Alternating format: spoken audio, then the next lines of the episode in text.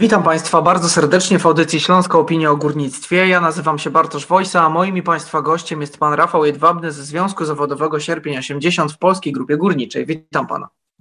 Dzień dobry Panie redaktorze, dzień dobry Państwu. Panie Przewodniczący, zacznę od e, cytatu. Polska Grupa Górnicza będzie w znacznej mierze odpowiedzialna jako największe przedsiębiorstwo górnicze w Europie i największy producent węgla kamiennego w Unii Europejskiej za wypełnienie luki po rosyjskim węglu. E, to cytat ze strony internetowej PGG z jednego z ostatnich komunikatów prasowych. Myśli pan, e, że to faktycznie PGG będzie musiała zapełnić lukę po rosyjskim węglu, czy może rząd postawi na import z innych krajów?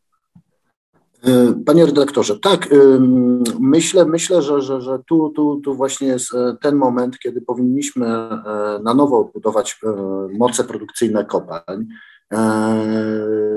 My możemy, możemy importować węgiel.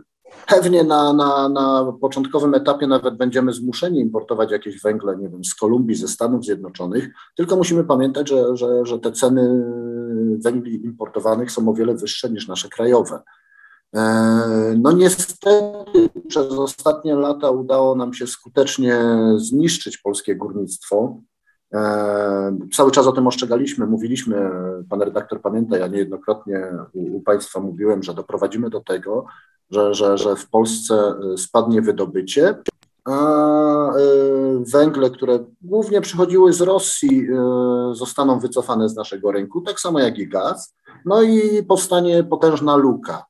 E, my jesteśmy w stanie oczywiście odbudować e, nasze moce produkcyjne, tylko to, na to potrzebujemy czasu i nie wykluczam, że, że w tych pierwszych etapach, tych wstępnych, będzie trzeba importować węgiel e, z zagranicy, który niestety będzie węglem droższy. No właśnie, bo poseł PiSu Grzegorz Matusiak w wywiadzie dla portalu WNP powiedział, że na uruchomienie nowej ściany wydobywczej potrzeba nawet 17 miesięcy. Czy to zwiększenie wydobycia w kopalniach, tak by móc tę lukę zapełnić? No i w tak krótkim czasie e, możliwe, w sensie w krótkim czasie krótszym niż te 17 miesięcy? E, tutaj będzie to wyglądać różnie na różnych kopalniach. Tu mówimy o. Mamy część kopalń, która jest jakby przygotowana, żeby dodatkową ścianę dać, nie wiem, w kilka miesięcy.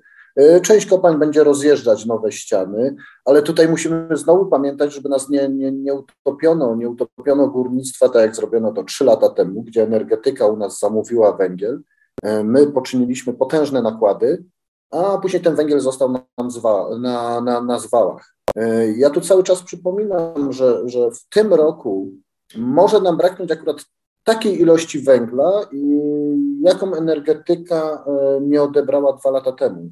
Hmm. Jeszcze półtora roku temu energetyka nam mówiła, że nawet to, co produkujemy na dzień dzisiejszy, to oni tego węgla nie potrzebują. Polska Grupa Górnicza zjechała o 7 milionów ton, przeszło 7 milionów ton e, wydobycia z węglem, tylko ze względu na to, że nie mieliśmy odbiorców. E, tak jak mówię, jesteśmy w stanie to odbudować, na to trzeba czasu. Na, na niektórych kopalniach możemy nowe fronty uruchomić e, po 6 miesiącach, niektóre będzie to nawet półtora roku. No, pojawiają się też głosy, że no nie tylko w PGG, ale całym górnictwie mamy braki kadrowe w kopalniach, a do zwiększenia wydobycia potrzebne zapewne byłyby dodatkowe ręce do pracy. Czy z tym sobie kopalnie poradzą? No tak, to, to kolejne wyzwanie, które na nas czeka. E, no jak to, jak to czas pokazuje, wszystko się zmienia i to dość, dość dynamicznie. Jeszcze niedawno e, mówiono nam, że, że trzeba likwidować polskie górnictwo, trzeba ludzi wyrzucać na urlopy górnicze, e, wstrzymać przyjęcia. Dzisiaj to już ewidentnie e, widać, że no, nie ma chyba nawet co ukrywać, trzeba na nowo otwierać szkoły górnicze. E, trzeba się zastanowić nad wydłużeniem funkcjonowania co niektórych kopalń. To na pewno, bo, bo nie jesteśmy w stanie przejść na inną energię jak energia z węgla. Mhm. Tak, musimy rozpocząć przyjęcia do górnictwa, musimy i to w jak najszybszym tempie. Tutaj trzeba pamiętać, że górnicy to są, większość górników to są ludzie z dużymi kwalifikacjami. To nie jest tak, że kogoś zatrudnimy, e, opuścimy na dół i poślemy go na, na front wydobywczy czy robót przygotowawczych, bo po prostu on nie będzie miał kwalifikacji, on nie może być tam nawet zatrudniony. Więc te przyjęcia już powinniśmy rozpocząć. Mm, gdzieś tam już trwają rozmowy w niektórych spółkach, żeby, żeby te przyjęcia rozpocząć, tylko na dzień dzisiejszy nie mamy jakby y, y, ludzi z kwalifikacjami, których możemy przyjąć, więc Jednym, kolejnym etapem powinno być otwarcie szkół górniczych i, i, i szkolenie młodych ludzi. Mhm. Mm, no to wszystko, co się teraz dzieje, jest pokłosiem e, wojny w Ukrainie, którą rozpętała Rosja. Komisja Europejska zdecydowała o wstrzymaniu importu e, surowców rosyjskich. No na razie mówimy o węglu, choć Polska o wstrzymaniu importu rosyjskiego węgla mówiła nawet wcześniej niż e, Unia Europejska. Jak to embargo wpłynie na polską energetykę? Czy pan uważa, że czeka nas drugie życie węgla?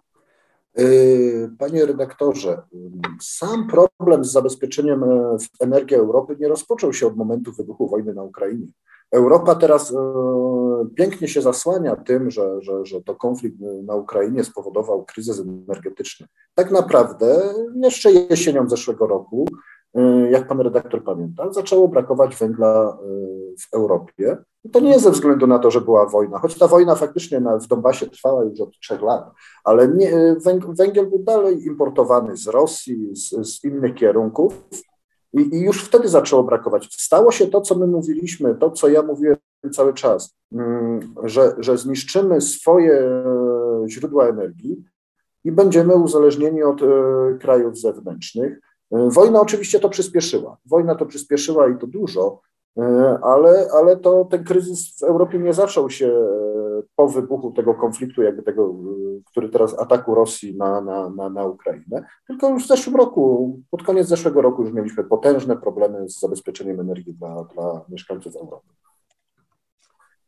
Powiedział Pan e, już w zasadzie częściowo o tym, czym to drugie życie miałoby się objawiać. No Dominik Kolosz, szef Śląsko-Dąbrowskiej Solidarności, powiedział niedawno tu w naszym programie, że tak naprawdę każdy aspekt górniczej umowy społecznej może teraz e, ulec e, zmianie, jeśli zapadnie taka decyzja na ewentualnych spotkaniach z rządem.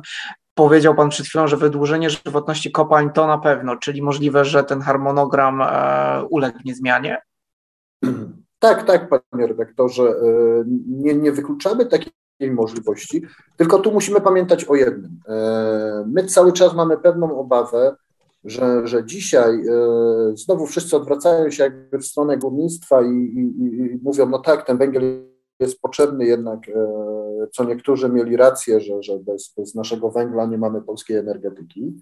I obawiamy się, że, że znowu ktoś wpadnie na taki cudowny pomysł, że zaczniemy importować potężne ilości węgli droższych, bo nawet ten z Rosji, który przy, y, do nas wjeżdżał, to był węgiel dotowany przez Putina, bądź niejednokrotnie droższy. Energetyka postanowiła brać węgle rosyjskie, a nie polskie zakontraktowane. I obawiamy się, że my znowu poniesiemy potężne inwestycje, a ktoś uzna, i często są to spółki Skarbu Państwa energetyczne, że nie będą brały tańszego węgla polskiego, tylko wezmą zagraniczny, droższy. I tu mamy takie obawy.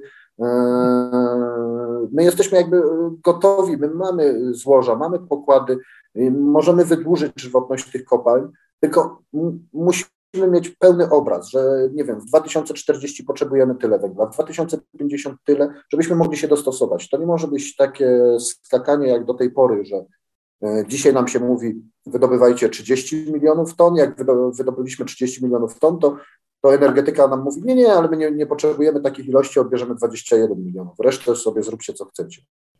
E, ale to jest znowu temat, który musimy załatwić ze stroną rządową. To, to muszą być pewnie kolejne rozmowy, kolejne opracowania, e, stworzenie bilansu energetycznego dla Polski na długie, długie lata.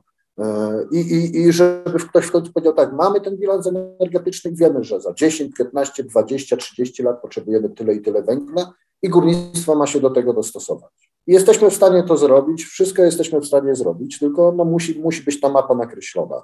E, ja no mówię, tutaj teraz jest, czekamy jakby na, na, na stronę rządową. Ja myślę, że oni E, przygotowują ta, taką mapę. Przynajmniej mam taką nadzieję, że tak to powinno wyglądać w każdym normalnym kraju, że, że my musimy wiedzieć, jakie mamy te źródła energii i jak będziemy zabezpieczać Polaków, ale już nie tylko Polaków, bo dzisiaj potężne ilości energii wysyłamy za granicę.